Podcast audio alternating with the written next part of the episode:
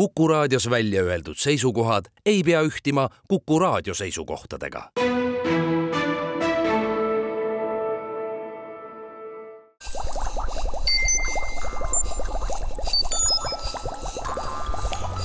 kukkuv õun head Kuku kuulajad, olen sellel puhul külla kutsunud äh, Andero Uusbergi, kes on Tartu Ülikooli psühholoogiaprofessor ja kõnelema loomulikult psühholoogiast, aga kontekstis, mis puudutab sellist asja nagu teaduse tippkeskused, milliseid Eesti Teadusagentuur ühtekokku siis järgnevaks seitsmeks aastaks kümmekond tükki on rahastanud. üsna rikkalikult, sellepärast et igale ühele jagub igaks aastaks üks miljon ehk seitse miljonit on see rahastus ja kõikide tippkeskuste peale on kokku kokku, no ma arvan, sadu ja sadu inimesi erinevates koostöögruppides sellesse hõivatud. ja Andero juhitav on selline tippkeskus, mille nimi on Heaoluteaduste Tippkeskus. mina olen saatejuht Marek Strandberg ja sellest Heaoluteaduse Tippkeskusest ma ka veidikene räägime Andero, see heaolu on ju no ütleme, loomulikult me saame ju igaüks aru, kui meil hästi ei ole, kui meil heaolu on kehvasti, aga äh, millisel moel on loota, et heaolu mõõtmine, nii nagu selle tippkeskuse mõttes on öeldud, üldse võimalikuks osutub ja mis peamine, heaolu, ma saan aru, ka juhtimine. meie muidugi loodame, et siin on võimalik astuda samme edasi heaolu me mõtestame võib-olla omavahel öeldes niimoodi elukvaliteedina ja tõesti, seda on võimalik äh, mõõta äh, nii objektiivselt kui subjektiivselt. Äh, me võime küsida kõigepealt inimestelt, et kuidas su eluga üldiselt on või isegi igal konkreetsel hetkel, et kuidas tunne on, kuidas läheb ja see peegeldab äh, tema heaolu. olgugi, et me nimetame seda subjektiivseks, siis see ei ole mingisugune illusioon. see, mida ta peegeldab, on seotud elukvaliteedi erinevate aspektidega, kuidas mul eneseteostuses läheb, kuidas mul suhetes läheb, kuidas mu kehaga läheb äh, kuidas mul kogukonnas läheb, nii et, et heaolust võib rääkida subjektiivsel, objektiivsel tasandil esiteks ja teiseks siis erinevate selliste nagu eluvaldkondade lõikes, et see on meie siis uurimisobjekt kuidas, ja nüüd, kui sa ja ma küsin ühte asja siia vahepeale veel, et kuidas sellega on, et me ju väga palju teame, et inimese heaolutundest sõltub miljoon asja, sealhulgas ka see, kui kiiresti paranevad haavad ja kõik muud asjad, kas või hingelised või füüsilised. et äh, selle heaolutunde maksimeerimine, ma saan aru, ongi üks selline äh, no nii-öelda sotsiaalse, majandusliku, bioloogilise, psühholoogilise, mille iganes äh, tegevuse siis laiem eesmärk või? no üks tore tsitaat, millest me inspireerusime, on tõesti see, et võib öelda, et, et heaolu on selline sotsiaalteaduse ülim sõltuv muutuja Äh,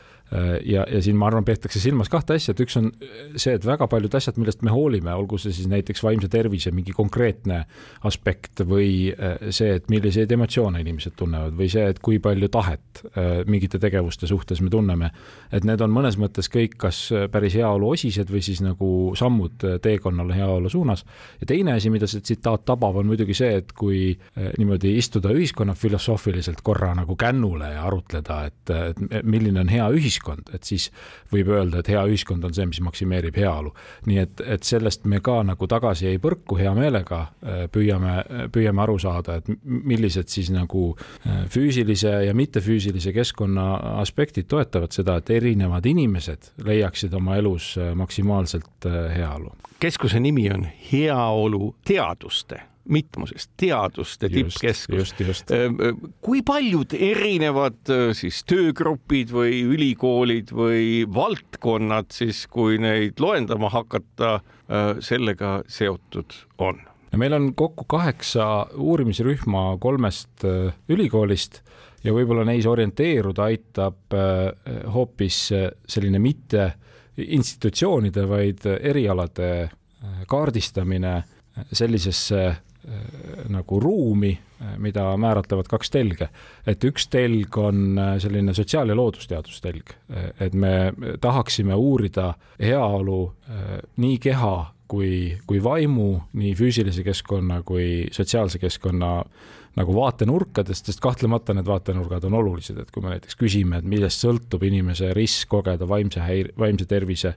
häireid, et sellel on oma bioloogiline pool, aga see bioloogiline pool üksi äh, ei ole seletuseks piisav, sellel on ka oma psühholoogiline ja sotsiaalne pool, nii et üks telg on niisugune sotsiaal- ja loodusteaduslik telg ja teine telg on siis selline indiviidile keskendumine, kontekstile keskendumine, et me võiks öelda, et psühholoogia ja ka bioloogia noh, tüüpiliselt on sellised indiviidi oma fookusesse võtvad äh, distsipliinid, samal ajal kui näiteks sotsioloogia ja ja, ja meie rühmas või meie keskuses äh,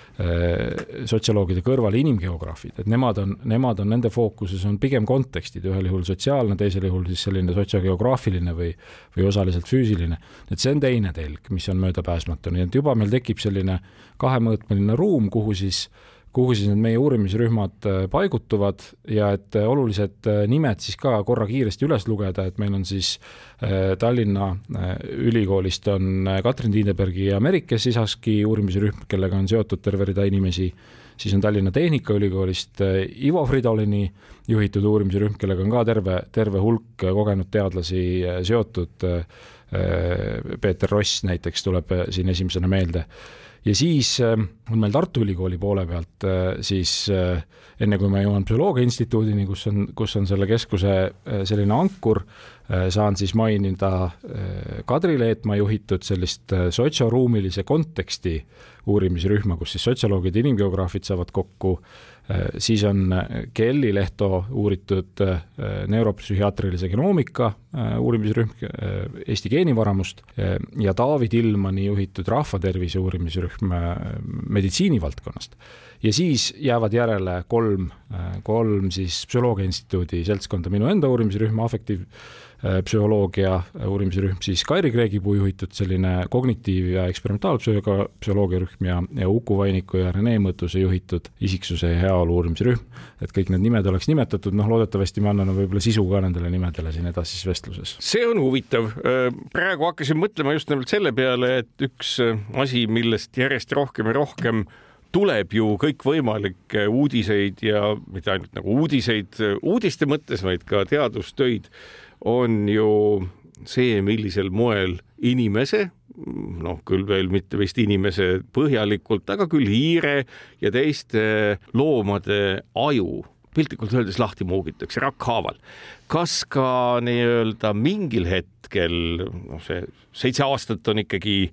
selles mõttes väga pikk aeg, kuna umbes seitsme aasta jooksul jõuti ka ju sinnamaani, et õpiti hiire aju rakkhaaval selle motivatsioone ja impulsse kõike sealt aru saama. kas ka äh, te kavatsete aju kallale minna? no me läheme ajukava kallale võib-olla niimoodi kahest otsast, et see, mida sa küsid, ei ole meil praegu väga hästi esindatud ja siinkohal on mul hea hea meel öelda, et äh, me plaanime seda tippkeskust ikkagi üles seada niimoodi, et meiega saab, äh, saab mingites mahtudes liituda, aga aga meie vaade ajule on siis ühelt poolt geenide äh, uurimisest, et, et geenide uurimine ise, eks ju, ei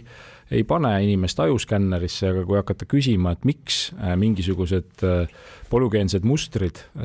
mingisugused ennustavad seosed, et on, on siis teatud genotüübid, mis seostuvad mingisuguste käitumise või mõtlemise või, või tundmise iseärasustega, et miks nad seda teevad, et siis sageli need ahelad viivad kahtlemata aiu. ja teiselt poolt on siis aju selliste Äh, noh, niisuguste makroparameetrite mõõtmine, millega me psühholoogidena tegeleme ja millega TalTechis äh, tegeletakse, on see siis elektroentsefalograafiline signaal äh, valdavalt või siis isegi võib-olla veel noh, sammu võrra eemaldatud signaalid, et, et pupilli laiust näiteks on hästi hea mugav mõõta ja see peegeldab päris kenasti seda, et mis seisundis inimese siis selline aju, aju mobilisatsioon parasjagu mingi, mingi stiimuli suhtes on. et siis see teine vaade ajule on, on selline natukene nagu globaalsem kui, kui see, mille kohta sa küsid. sellepärast, et ega ju ka seesama asi, mida lugesin siin hiljaaegu, hiire aju raku anatoomiline atlas, see on ju ka põhjalik ühe raku geneetiline analüüs selle kohta, mida see rakk teeb ja mis seal parasjagu aktiveerunud on, nii et see näib olevat väga perspektiivne, loodetavalt leiate te sinna ka kellegi tegijatest. aga nüüd, kui minnagi, sa mainisid endale enda teemana sedasama nii-öelda kuidas see oligi, afekto. afektiivpsühholoogia. afektiivpsühholoogia, väga hea, et sa täpsustad. millisel moel see heaoluga seotud on, et ma saan aru, et afektiivpsühholoogia ühel või teisel moel puudutab inimeste või kelle iganes, aga antud juhul siis ikkagi inimeste Äh, reaktsioonide iseloomu, kui ma õigesti aru saan. no ma ütleks jah, et tundeid, tahteid äh, ja, ja siis äh, katseid seda ise juhtida, et missuguseid tundeid ja tahteid ma kogen. ja see puutub heaolusse, noh, ma arvan niimoodi tüvepidi, et, et ühelt poolt ähm, on see, kui me küsime, et millest heaolu tuleneb, et siis need vastused viivad meid tunnete ja tahete juurde, et, et pikaajaline heaolu on kõige tugevamalt ennustatud sellest, kui inimene lihtsalt kogeb äh, valdavalt äh, positiivsemaid tundeid ja, ja, ja negatiivsemaid äh, niimoodi harvem ja ja võib-olla sellise intensiivsusega, et need on talle hästi kontrollitavad ja, ja tunneb ähm, Eh, noh, sellist teotahet eh, mingites valdkondades ja, ja, ja sellist motivatsiooni tööalaselt ja isiklikus elus nagu toimetada. ja teine võib-olla vaade on, on see, et, et mulle tundub, et noh, et me võime küsida niimoodi funktsionaalselt sellisest nagu evolutsioonilisest perspektiivist, et miks meile tunded, et kui analüüsida emotsioone näiteks, siis selgub, et väga palju käitumise juhtimist on võimalik äh, korraldada ilma, et see peaks mingeid tundeid minus tekitama, et kui piltlikult öeldes, et, et panna käsi kuumale pliidirauale, et sealt selle äravõtmiseks ei ole teadvust ei, ei ole tingimata vaja, et äh, on võimalik ehitada organismid, nii nagu meie oma, äh, mis teeb päris mitmeid otsuseid ilma, et ta, et, et ta teadvuses noh, seda otsust representeeriks või, või seda värviks mingisuguse sellise tunde varjundiga. ja nüüd, kui otsida vastust küsimusele, et, et miks siis ometi on tundeid, kui saaks ka teisiti, et siis see, see vastus viib sinna, et, et küllap on see mingisugune informatsioon mis on nagu terviku, psüühika kui terviku mõttes käitumise juhtimiseks kasulik, et kui olgugi, et ma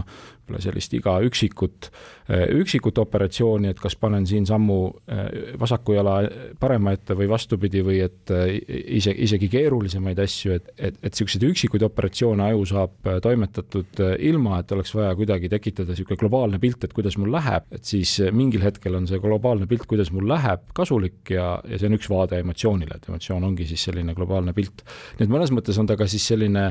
noh, nagu naturaalne sensorsüsteem, äh, mis peegeldab seda heaoluseisundit, et kui inimesel on krooniliselt pikalt negatiivsed emotsioonid, siis võib nagu küsida, et, et kus, et millises tema elu aspektis on mingisugused kitsaskohad. Ja, ja see muudab ka äh, selle inimese tundeelu ja, ja, ja, ja tahteelu, see, et kas on isu, kas on viitsimist, äh, muudab nagu relevantseks ma ei tea, millal te hakkasite seda tippkeskuse taotlust ja põhjendusi ja ideid välja kirjutama ja esitama, aga üks asi, mis on ju noh, kuidas ma ütlen nüüd inimeste hulgas siin juba peaaegu üle aasta olnud, on laia tarbesse läinud suured keelemudelid või tehisintellekt, nagu seda laias laastus nimetatakse. kõikvõimalikke vidinaidki tehtud ju, mis jätavad inimestele mulje, et nad suhtlevadki inimestega, enamgi veel, ka emotsioonid väga kirevad ja jõulised, mis selliste suhtlusvahenditega saavutatakse, ju kirjeldatudki mitmeid juhtumeid, kus inimesed endilt isegi elu võtnud, suheldes siis oma semuga, kes tegelikult ei midagi muud kui järgmist sõna ennustav väga võimekas masin. Kuidas nüüd sedalaadi tehnoloogiat, võib-olla me jõuame ka teemade juurde, kõikvõimalikud psühhotroopsed ained, mis aju mõjutavad, aga kuidas selliste noh, ütleme verbaalsete ja ka ju emotsioonidest küllastuda suutvate tehnoloogiliste lahendustega on, et kas need on osa selle keskuse uurimisobjektist, sellepärast et see on ju tulnud meie sekka niimoodi, et isegi keeleteadlased ja andmeanalüütikud ütlevad, et see kõik tuli väga ootamatult see vist tuli täiesti ootamatult, kahtlemata ta meie skoobis äh, on võib-olla mitte asjana iseeneses, aga, aga ma arvan siis vähemalt, äh, vähemalt nagu kahe nurga alt, et üks nurk, äh, mida ma arvan, me endiselt alles valgustame läbi, on see, et kuidas need vahendid aitavad teha, ütleme siis täna heaoluteadusi, sotsiaalteadusi, psühholoogiat. üks näide, mille kallal ma ise töötan, on, on tõepoolest näiteks tekstist emotsionaalse nagu laengu, kõneleja emotsionaalse seisundi väljalugemine, et see iseenesest ülesanne on olnud arvutiteadlaste ees juba aastakümneid ja, ja terve rida lahendeid on äh, välja töötatud ja, ja, ja nüüd selgub, et kui anda seesama ülesanne suurele keelemudelile äh, lihtsalt selle äh, sellise üleskutse või, või käsundi või, või prompti kaudu, et, et keelemudel saab selle ülesandega paremini hakkama kui selleks disainitud noh, e-, e-, üle-eelmise aasta parimad spetsiifilised mudelid. ja, ja see lihtsalt illustreerib seda ampluaad, kuhu keelemudelit oleks võimalik tulevikus rakendada. teine näide, mis mulle on silma jäänud, on, on noh, näiteks sellise, me nimetame seda kas kvalitatiivseks uurimiseks või siis selliste noh, nagu vabade vastustega intervjueerimiseks, mis on sotsiaalteaduses siis äh, väga oluline andmete kogumise meetod standardiseeritud küsimustike kõrval. ja, ja see kvalitatiivne meetod, tema peamine äh, pudelikael on töömahukus, et, et keegi peab, eks ole, tõlgendama seda vabas vormis antud vastust äh, ja see sageli paneb valimitele sellised nagu laed peale. ja on inimesed, kes töötavad selle kallal, kuidas siis keelemudelit kasutada selleks, et vabast tekstist ekstraheerida või kuidagi välja sõeluda niisugused tähendused, mida muidu teeks vilunud analüütik, see tase, mida keelemudel seal evib, kindlasti ei ole võrreldav vilunud analüütikuga, aga ta saab kindlasti selliste lihtsamate ülesannetega hakkama, mis avab väga huvitavad võimalused suurendada sellise nagu mõõtmise valimeid, ehk siis et esiteks on terve rida, ma arvan, potentsiaale, mida nii meie kui kolleegid üle maailma alles aval-, avastavad, kuidas rakendada keelemudeleid sellise teadusliku instrumendina, ütleme mõõteinstrumendina. ja nüüd teine pool, mis muidugi on võib-olla Äh,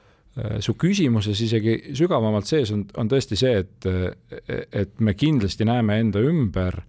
äh, kuidas äh, sellele tehnoloogiale hakatakse ehitama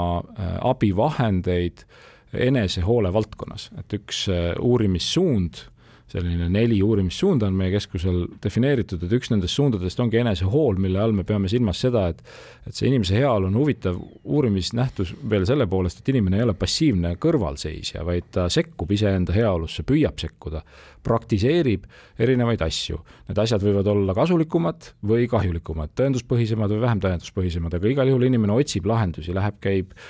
spirituaallaagrites, loeb raamatuid, laeb alla rakendusi, kuulab äh, taskuhäälinguid, nii edasi, nii edasi. ja nüüd nende rakenduste seas ma küll näen, et see läbimurre, mida keeletehnoloogiad võimaldavad, on päris oluline, et, et see, et, et rakendus näib äh, nagu nõustaja, näib nagu terapeut, on noh, tehniliselt saavutatav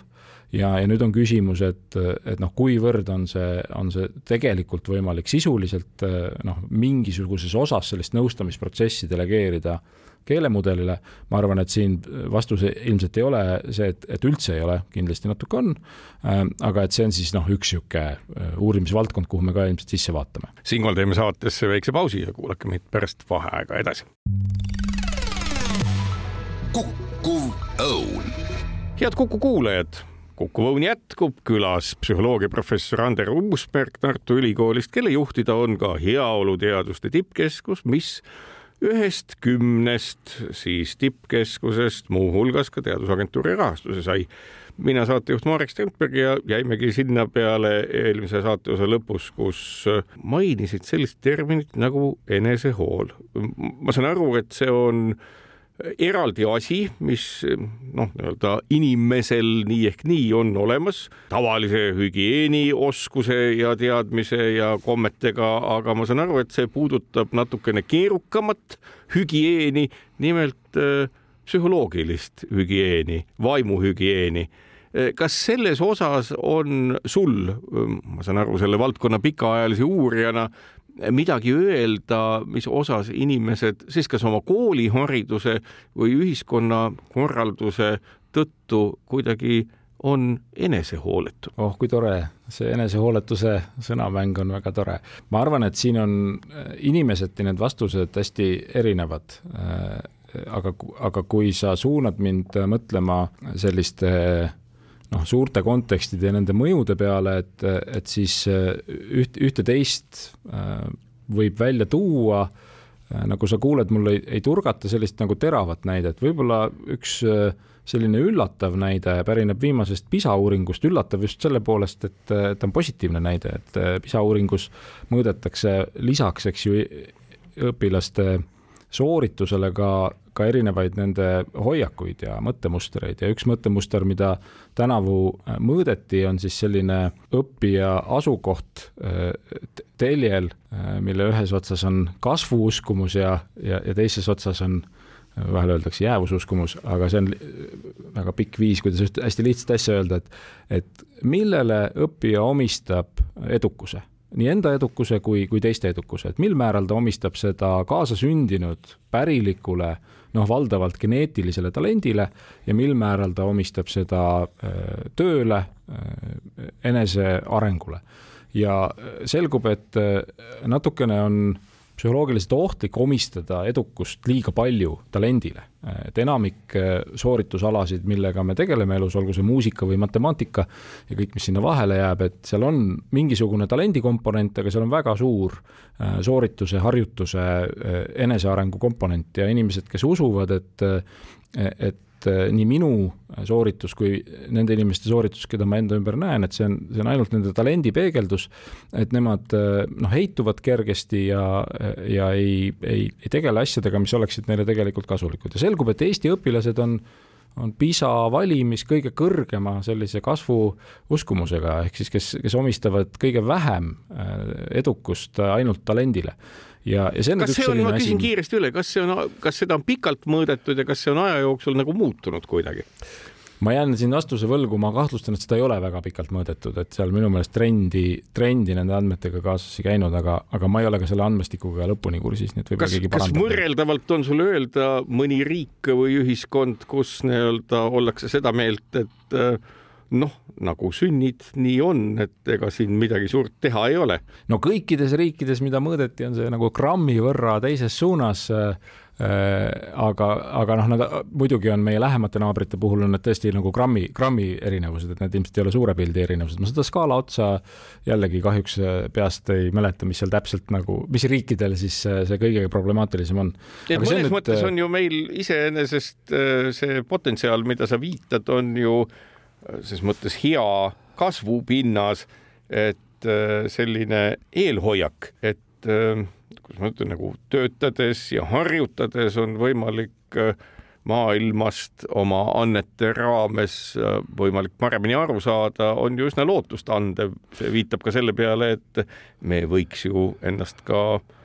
heaolu tundma õppida no just, just, just. Ja, ja see ongi, see on hästi pisike näide, et enesehool on muidugi väga lai valdkond, aga see, kuidas ma mõtlen äh, asjadest ja kuidas ma mõtlen äh, tagasilöökidest oma elus, äh, on üks päris oluline komponent sellest, et kuidas ma neist taastun ja välja tulen. Ja omakorda siis seal näiteks üks aspekt, mis loeb, on see, et kas ma, kas ma näen mingisuguses sellises läbikukkumises, tagasilöögis, kas ma näen siin noh, mingitki võimalust paraneda. Ja kui ma näiteks usun, et, et minu sooritus peegeldab minu talenti, siis minu läbikukkumine peab peegeldama talendi vähesust, muud järeldust siit teha ei saa. kui ma usun, et mu sooritus peegeldab küllap natuke talenti, aga küllap ka seda, kui hästi ma lihtsalt äh, seda asja oskan, et siis minu läbikukkumine võib anda mulle signaali, et järsku siin on noh, nii-öelda õppimise koht. nii et äh, üks niisugune näide, mis siis tõesti mõõdetuna nagu kogu ühiskonna tasandil räägib meile sellest, et siin saavad olla ka niisugused süsteemsed nagu allikad äh, nendel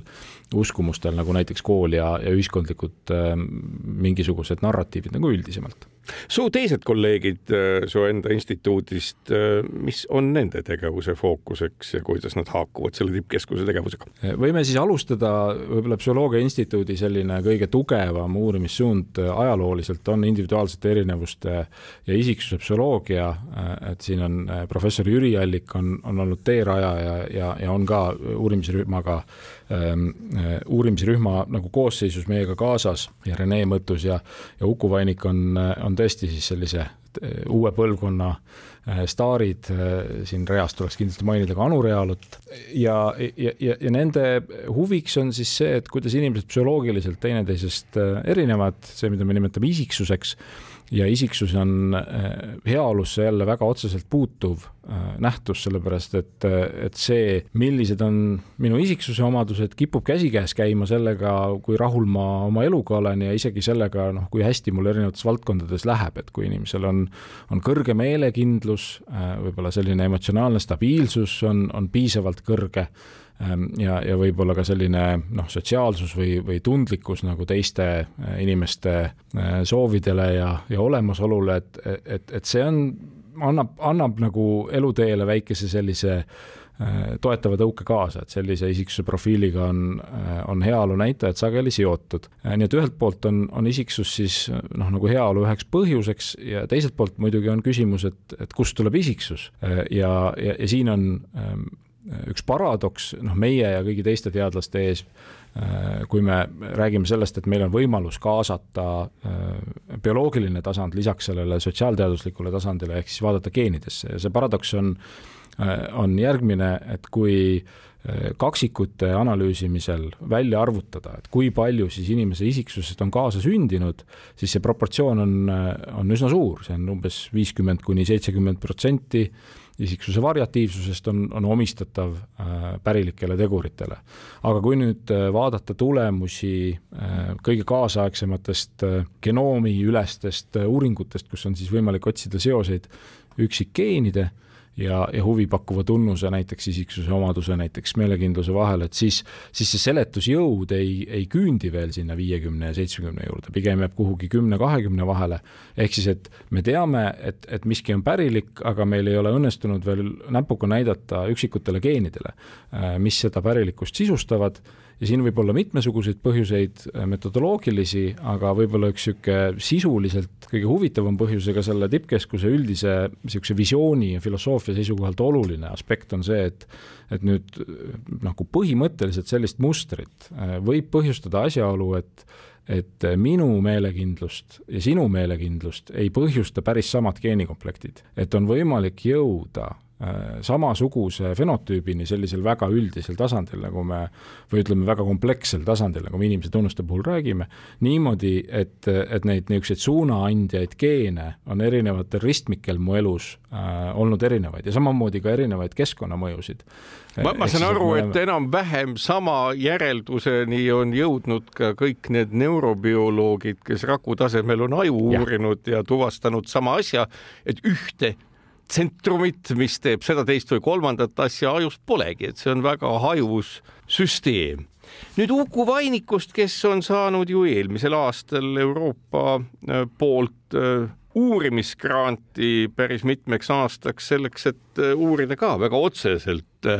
heaolu ja enesehoolega seotud küsimust, nimelt küsimust laias laastus, et mismoodi mitte õgida ja ennast hästi tunda. ma saan aru, et äh, need teemad äh, liituvad ka siis sünergeetilisel moel sellesama sinu juhitava tippkeskusega, sellepärast et inimese noh, enesetunne, kehakaal ja kõik see, mis talle paratamatult sellise, no kuidas ma ütlen, toidumoega ja reklaamidega kaasa pannakse ja millest ta ennast ebamugavalt tunneb, on ikkagi heaolust üks väga oluline osa. kas ta siis lõikab heaolu ära või need võtted, millega hakata vastu sellisele õgimissurvele, on need, mis inimese ennast paremini tundma panevad jaa, täpselt. Äh, ja ma arvan, see on väga oluline täiendus, et kui me räägime siin heaolu, heaoluteaduste tippkeskusest, et meie, meie ülesanne ei ole mitte ainult nagu paremini mõista ja mõjutada seda, kuidas inimene siis raporteerib kuidagi lõppastmes, et mis mul tunne on või kuidas ma eluga rahul olen, vaid äh, ka käitumisi, äh, mis me näeme ilmselgelt on olulised vahendajad või olulised omakorda põhjustajad, et näiteks ülekaal, näiteks vähene liikumine, näiteks heade suhete vähesus, selliseid väga konkreetseid tervise, nii füüsilise kui vaimse tervise seisukohalt olulisi käitumisi on omajagu ja need on, on meil nagu pakuvad, ühesõnaga, need on meil hästi tugevalt äh, esil ja, ja siin ka muutub väga huvitavaks see äh, interdistsiplinaarne äh, kooslus, et kes on seda käitumist vaadanud, taaskord vaadanud, millised geenimustrid ennustavad seda, et kellel kujuneb välja ülekaal, kes on vaadanud hoopis seda, et mismoodi võiks inimestele elustiili muutuse nõu noh, mõnes mõttes paketeerida, et mulle tundub, et ka siin on olulised individuaalsed erinevused, et on inimesi, kellele näiteks on, on väga palju abiks, kui neile seatakse väga konkreetsed eesmärgid, ütle, öeldakse, et vot, et nüüd järgmise kuu aja jooksul sina käid kolm korda nädalas trennis ja teed seal seda, teist ja kolmandat. ja on, on, on inimesi, kellele selline lähenemine äh, mõjub eemaletõukavalt, kellele oleks, oleks võib-olla mõistlikum öelda seda, et et mine lihtsalt hakka kuskilt pihta, see on okei okay,, kui sa teed vähem, kui sa algselt plaanisid ja nii edasi ja nii edasi. et ma tahan jälle alla joonida siis selle ideograafilisuse idee, mida me, mida me mitmel astmel kanname ja see idee on siis selles, et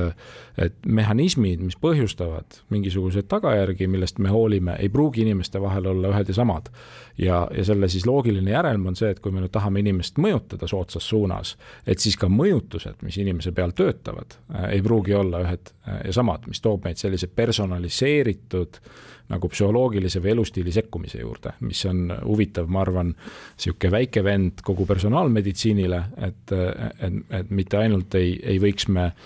personaliseerida seda, et võib-olla millist ravimit välja kirjutatakse, vaid ka seda, et noh, millise nõustaja juurde sind suunatakse näiteks. ma saan aru, et lõppkokkuvõttes inimeste unistus on ikkagi omada teatavat sellist universaalset lahendust, nii nagu selle kaalu küsimuses on nii mõnegi ettevõtte poolt äh, loodud siis äh, reaalselt toimivad kaalu vähendamiskemikaalid ja need tablettideks või süstilahusteks paketeeritult. Või teine võimalus, ma kujutan ette, on siis piltlikult öeldes nupp, millele vajutades, no näiteks uitnerv saab signaale, et ära rohkem õgi ja see oleks nagu inimese jaoks noh, kõige nagu, nagu lihtsam tee või kas on ka see, inimese jaoks? ma arvan, et see on äh, abiks ikka, äh, ma usun, et, et see, äh, mida meie teeme, ei konkureeri, vaid pigem siis täiendab seda, mis on, mis on siis ähm, noh, mingid sellised sekkumised, mis nagu justkui ei eelda minu, minu tahtepingutust, me võime korra tagasi tulla selle enesehoole termini juurde, mida me siis defineerime äh, kui, kui kõik tegevused, mida ma teen eesmärgiga, muuhulgas eesmärgiga oma, oma heaolu, oma enesetunnet parandada. ja siin ei ole oluline, kas nad on näiteks legaalsed või illegaalsed, et ma arvan, aga näiteks mõnuained on, on üks selline noh, nagu sarnane, äh, sarnane praktika, mille järgi inimene haarab lootuses, et et see võimaldab, eks ole, noh, saada otsetee kuidagi sinna heaolu juurde. ja, ja ma arvan, meie nagu fookus selles enesehoole uurimissuunas on, on esiteks võtta siis selline neutraalse teadlase positsioon ja lihtsalt kirjeldada seda, et mida inimesed teevad, miks nad teevad ja siis muidugi ka seda, et mis, mis sellest töötab Ehm, ja sealt edasi me jõuame siis sellise normatiivse positsioonini, et anda nagu inimestele võib-olla head nõu ja ma usun, et ka siin on küsimus äh, selles, et, et kuidas panna erinevad asjad omavahel äh, teineteist toetama. Äh, mitte siis nii väga jõuda selleni, et vot võta seda ja ära seda kindlasti võta, vaid seda jõuda selleni, et, et sinu kombinatsioon, mis sulle toetab, on järgmine. siinkohal teeme saatesse väikse pausi, kuulake meid pärast vaheaega edasi.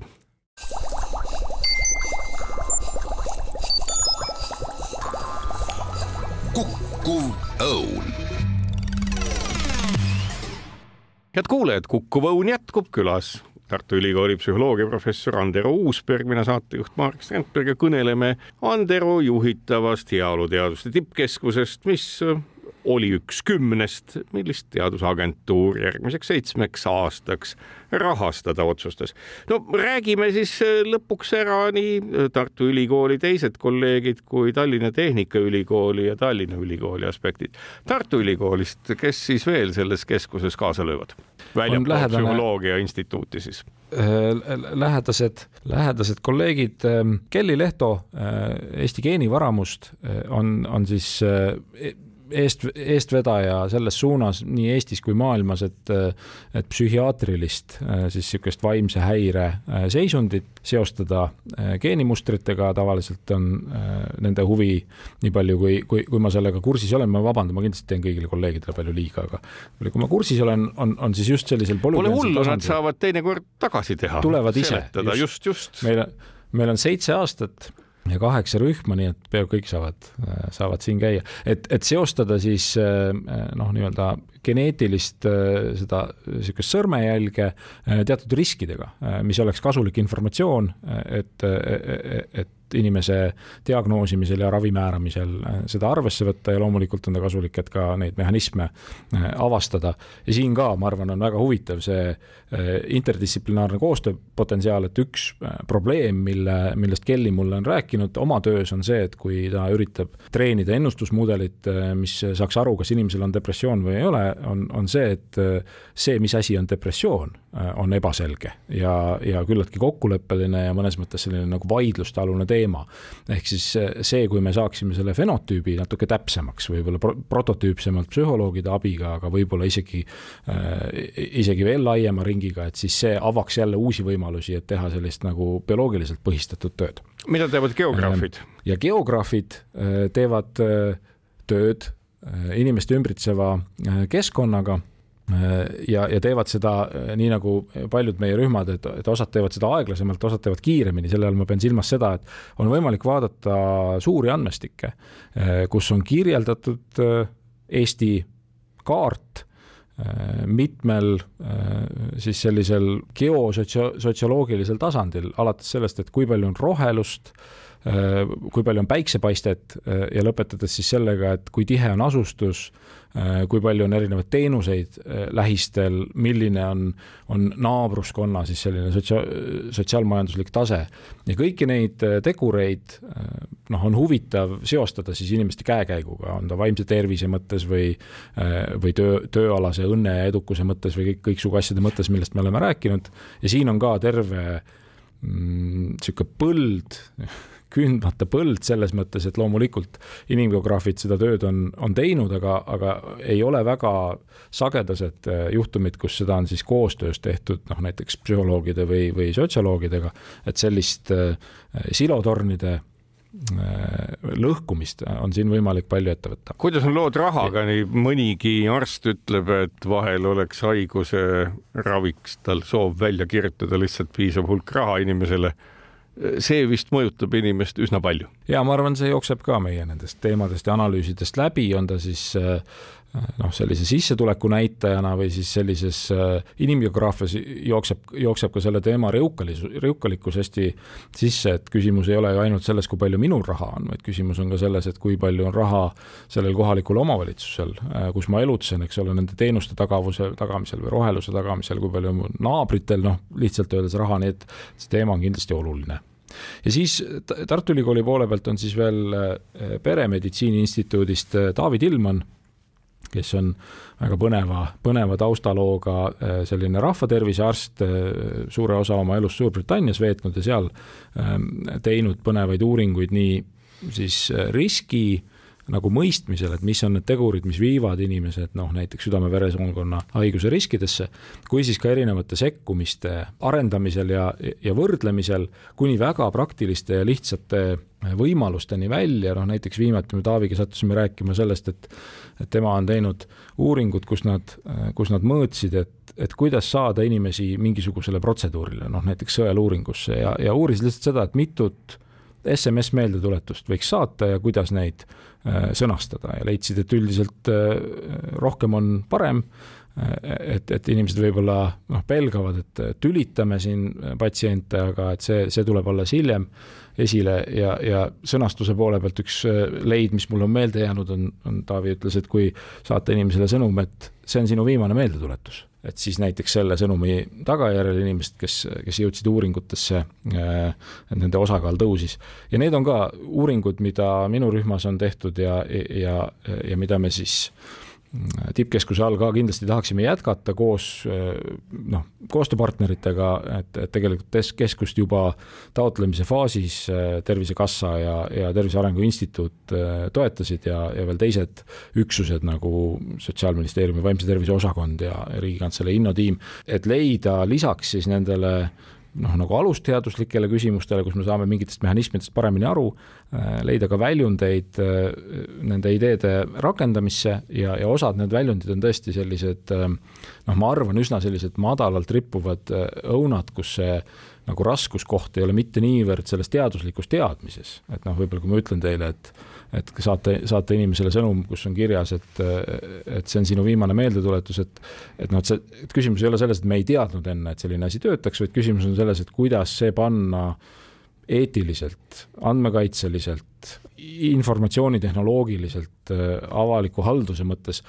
et kuidas luua selline riik, kus, kus on võimalik selliseid sõnumeid saata ja siis jälle, tulles tagasi meie läbiva teema või sellise personaliseerituse juurde, et kuidas jõuda ka selleni, et võib-olla mõned nendest kommunikatsioonidest võiksid olla personaliseeritud, noh, minu poolest kasvõi see, et, et kui teid kutsutakse elus esimest korda mõnele sõeluuringu protseduurile, kus te varem pole kunagi käinud, et siis, siis te võib-olla tahate natuke teistsugust informatsiooni kui siis, kui see on korduskutse, et olete juba seal varem käinud. et täna noh, riik saadab kõigile identsed kutsed. näiteks selliseid võimalusi püüame ka otsida ratsutame läbi nüüd need Tallinna ülikoolid, Tehnika ja Tallinna Ülikooli. ja Tallinna ja siin me oleme selles mõttes äh, oma Tartu kesksust nagu viljeleme, et Tallinna Ülikool ja Tallinna Tehnikaülikool on mõlemad nagu ametlikult esindatud ühe uurimisrühmana, kuigi tegelikult seal isikkoosseis on väga lai ja kompetentsid samamoodi et kui, kui alustada Tehnikaülikoolist, et, et siis seal on äh, nagu kahesuguseid äh, kompetentse, et ühed kompetentsid on seotud erinevate sensortehnoloogiate arendamisega äh, ja, ja need on siis noh, ühelt poolt tõesti sellised teaduse esirinnas küsimused, et kuidas inimest häirimata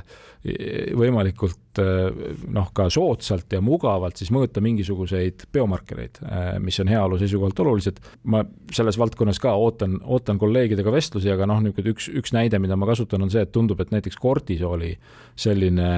vahel öeldakse niisugune, niisugune ökoloogiliselt valiidne mõõtmine või see, et ma, ma nagu tavategevuse käigus saan inimeselt mitu korda päevas teada tema kortisooli tasemet, see on tehniliselt väga keeruline, et selleks on üldiselt vaja verd võtta ja, ja käivad erinevad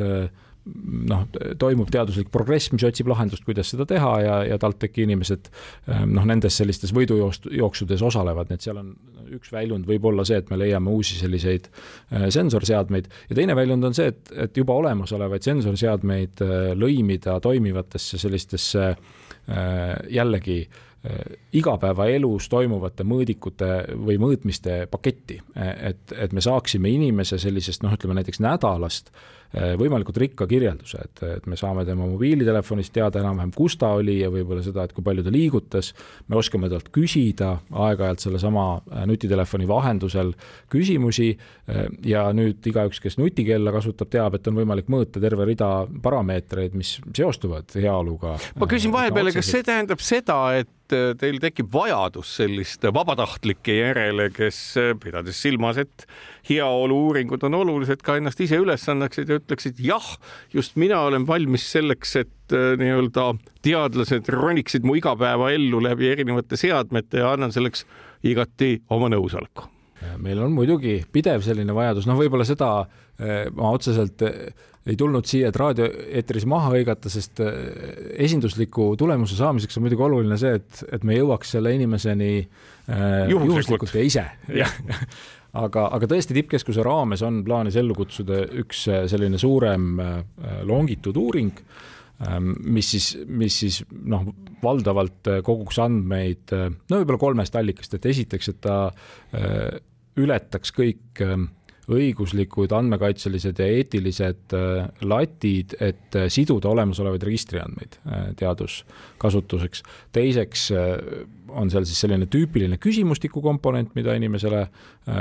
või valimisse sattunud inimestele siis mingi regulaarsusega mõne aasta tagant saadetakse. ja kolmandaks tõesti võiks olla niimoodi, et sellesse valimisse sattunud inimesed võivad aeg-ajalt saada kutseid ka sellistesse intensiivsematesse uuringutesse, mida ma hakkasin siin kirjeldama, et võib-olla nädala jooksul Ehm, ka on, on siis kokkulepe, et, et nutitelefonini saabuvatele küsimustele võiks anda vastuseid ja võib-olla kanda siis noh, mingit seadet, mis, mis on nutikellalaadne, aga võib-olla sisaldab siis mingisuguseid täiendavaid äh, alles katsetamisjärgus olevaid mõõdikuid. ja Tallinna Ülikoolist saate te mida? Ja Tallinna Ülikoolist tuleb siis äh, selline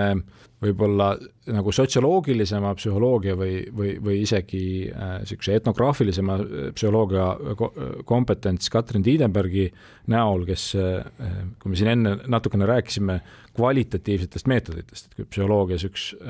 üks põhiline tööhobune on küsida standardiseeritud küsimustikega inimestelt nende, nende enda kohta, et, et sellel meetodil on äh, noh, niisugused sisse ehitatud silmaklapid, et, et ma saan standardiseeritud mõõdikuga mõõta seda, mida ma teadsin, et ma tahan mõõta algusest peale,